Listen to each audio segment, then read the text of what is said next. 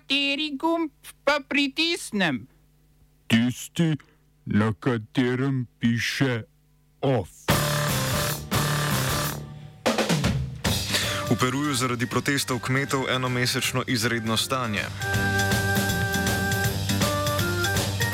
Dvoletni moratorij tujim investitorjem na kanadskem rezidenčnem nepremičninskem trgu. Kmalu nič več ruske vodke in kaviarja. Ustavno sodišče razveljavilo del zakona o davčnem postopku.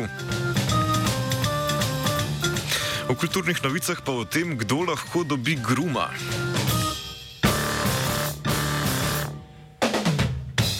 Dober dan, na Radio Student poslušate poročila. V Peruju je zvezdna vlada levo-sredinskega predsednika Pedra Castilla včeraj zvečer razglasila enomesečno izredno stanje, ki bo efektivno suspendiralo ustavni pravici do zborovanj in prostega gibanja. V tem času naj bi perujska vojska spet prevzela nadzor nad avtocestami in hitrimi cestami, ki jih od ponedeljka blokirajo kmetje in tovornjakari, ki protestirajo proti višanju cen goriva in hrane.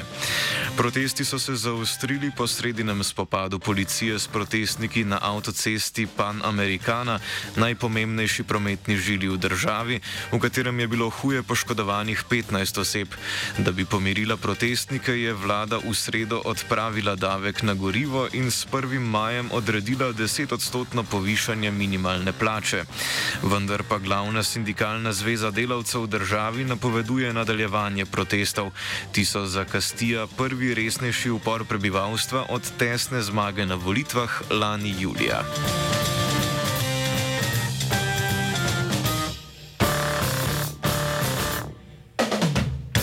Vlada kanadskega premijeja Justina Trudeauja je v novem poskusu ohladitve kanadskega trga rezidenčnih nepremičnin napovedala dvoletno prepoved tujih investicij. Ob tem je finančna ministrica Kristja Freeland napovedala više davke za vse lastnike rezidenčnih nepremičnin, ki bodo svoj dom prodali v manj kot letu dni od nakupa, pri čemer so izjema tuji študentje in stalno bivajoči. Vlada želi tako omejiti špekulacije na kanadskem rezidenčnem nepremičninskem trgu, na katerem so se prodajne cene v enem letu skupno zvišale za kar 20 odstotkov. Ob tem bo kanadska vlada v letošnjem proračunu zagotovila 730 milijonov evrov za gradnjo novih neprofitnih stanovanj. Po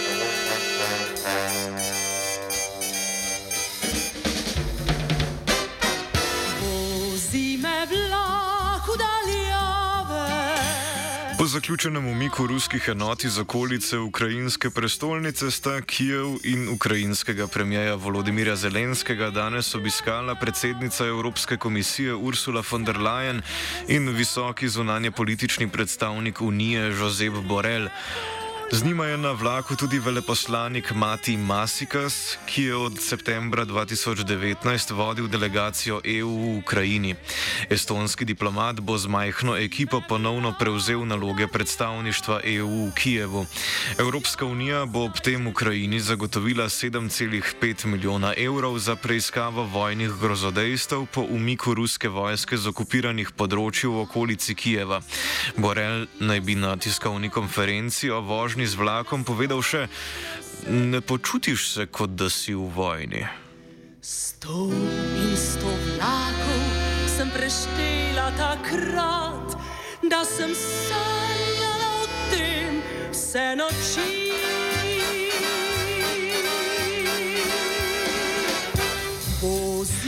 Medtem je Evropski parlament potrdil nezavezujočo resolucijo o takojšnjem in trajnem embargu na uvoz ruske nafte, plina, premoga in goriva za nuklearke.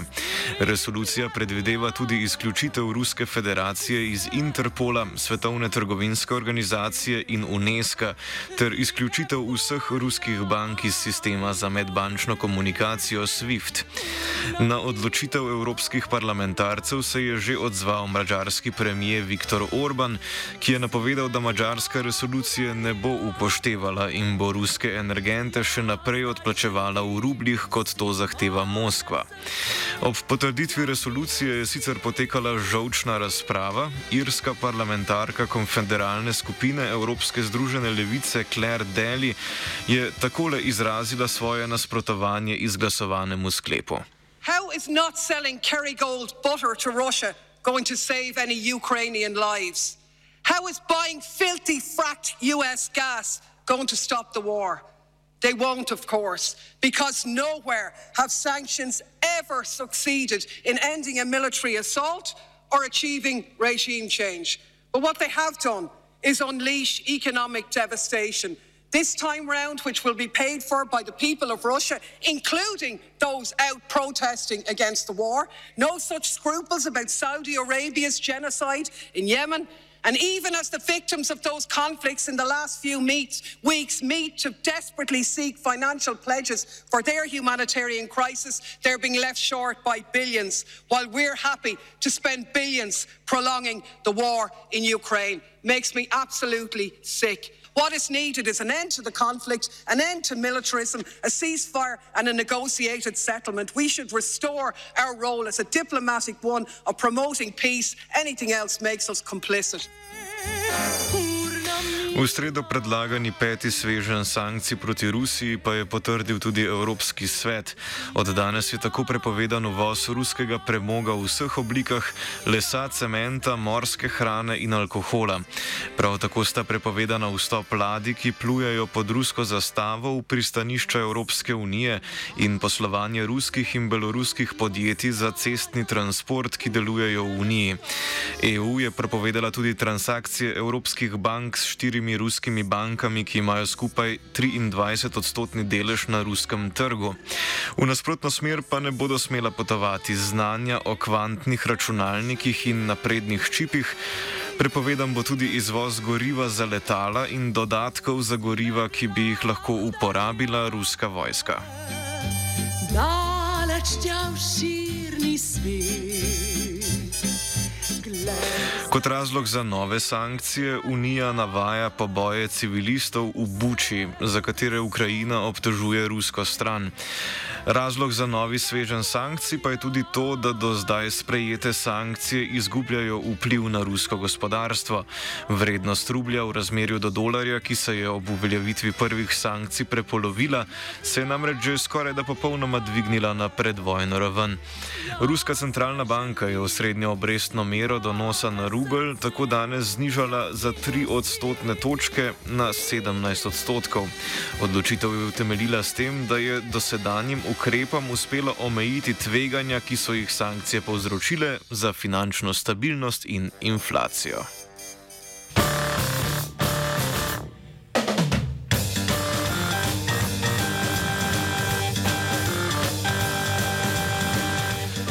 Bolgarska policija je včeraj zvečer v mestu Kulata na meji z Grčijo pridržala Eleno Udrev, nekdanjo romunsko ministrico za turizem in razvoj v vladi Emila Boka. Udrev je iz Romunije pobegnila včeraj popovdne, potem ko je romunsko više sodišče pritrdilo odločitvi prvostopenskega sodišča, ki jo je leta 2018 v ponovljenem sojenju obsodilo na šestletno zaporno kazen zaradi korupcije, izogibanja plačilu davkov in zlorabe položaja. Udrev je namreč prejela več podkupnin pri izdaji dovoljen za organizacijo slavnostnega dogodka v čast romunsko-kanadskemu bokserskemu superzvezdniku Lucianu Butu. Udrev bodo romunskim oblastem predvidoma izročili danes zvečer po izteku 24-urnega pridržanja. Oba, če, če bom odgovoril na angliški. Uh, uh, Slovenija bo poskušala pomagati. Slovenija bo naredila naš utmost, da bo rekla, da je situacija naš problem, ourselves. In mi bomo naredili nadaljnje korake, as soon as the conditions are. Bomo vlado Marjana Cererera Šarca podprli. Very, very serious news from Slovenija. We know how and we will. Ustavno sodišče je razveljavilo del zakona o davčnem postopku, po katerem se na seznam davčnih neplačnikov uvrstijo podatki o fizični osebi, ki je lastnica pravne osebe neplačnice, v primeru, ko fizična oseba postane lastnica pravne osebe potem, ko so njene neplačene davčne obveznosti že zapadle. Preprosto povedano, če bi po hipotetičnem scenariju insolventni radio študent kupil Martin Odlazek, v javnih evidencah ne bi bilo razvidno njegovo lasništvo našega medija.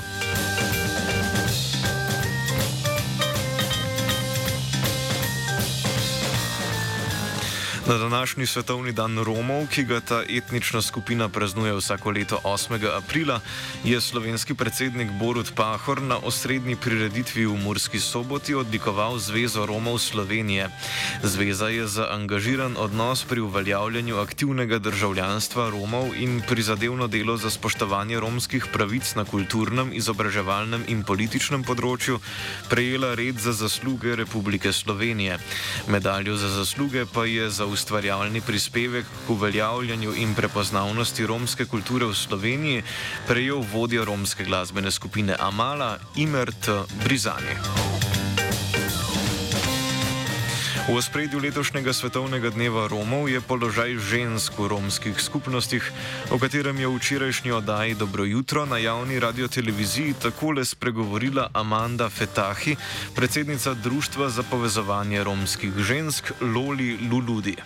Trenuten položaj romskih žensk je dosti boljši, kot je bil včasih, ni pa še vedno uh, to, to. So še vedno ženske niso enakopravne moškim, ampak se mi zdi, da zdaj z leti eh, gre na bolje. Epidemija je kar slabo vplivala na romske ženske, še posebej te, ki imajo več otrok doma, kaj, že kaj se tiče samo zaradi tega šolanja nadaljavo. Saj, ne vem, ena družina ima naprimer tri, štiri ali več otrok, imajo pa samo en računalnik in je bilo pol kar težavno.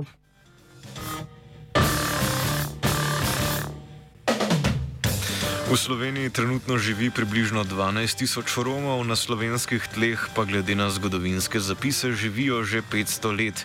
Največ jih živi v Prekmurju, na Dolenskem in v Beli krajini. Datum svetovnega dneva Romov so izbrali na prvem svetovnem kongresu Romov, ki je potekal od 4. do 8. aprila 1971 v Londonu.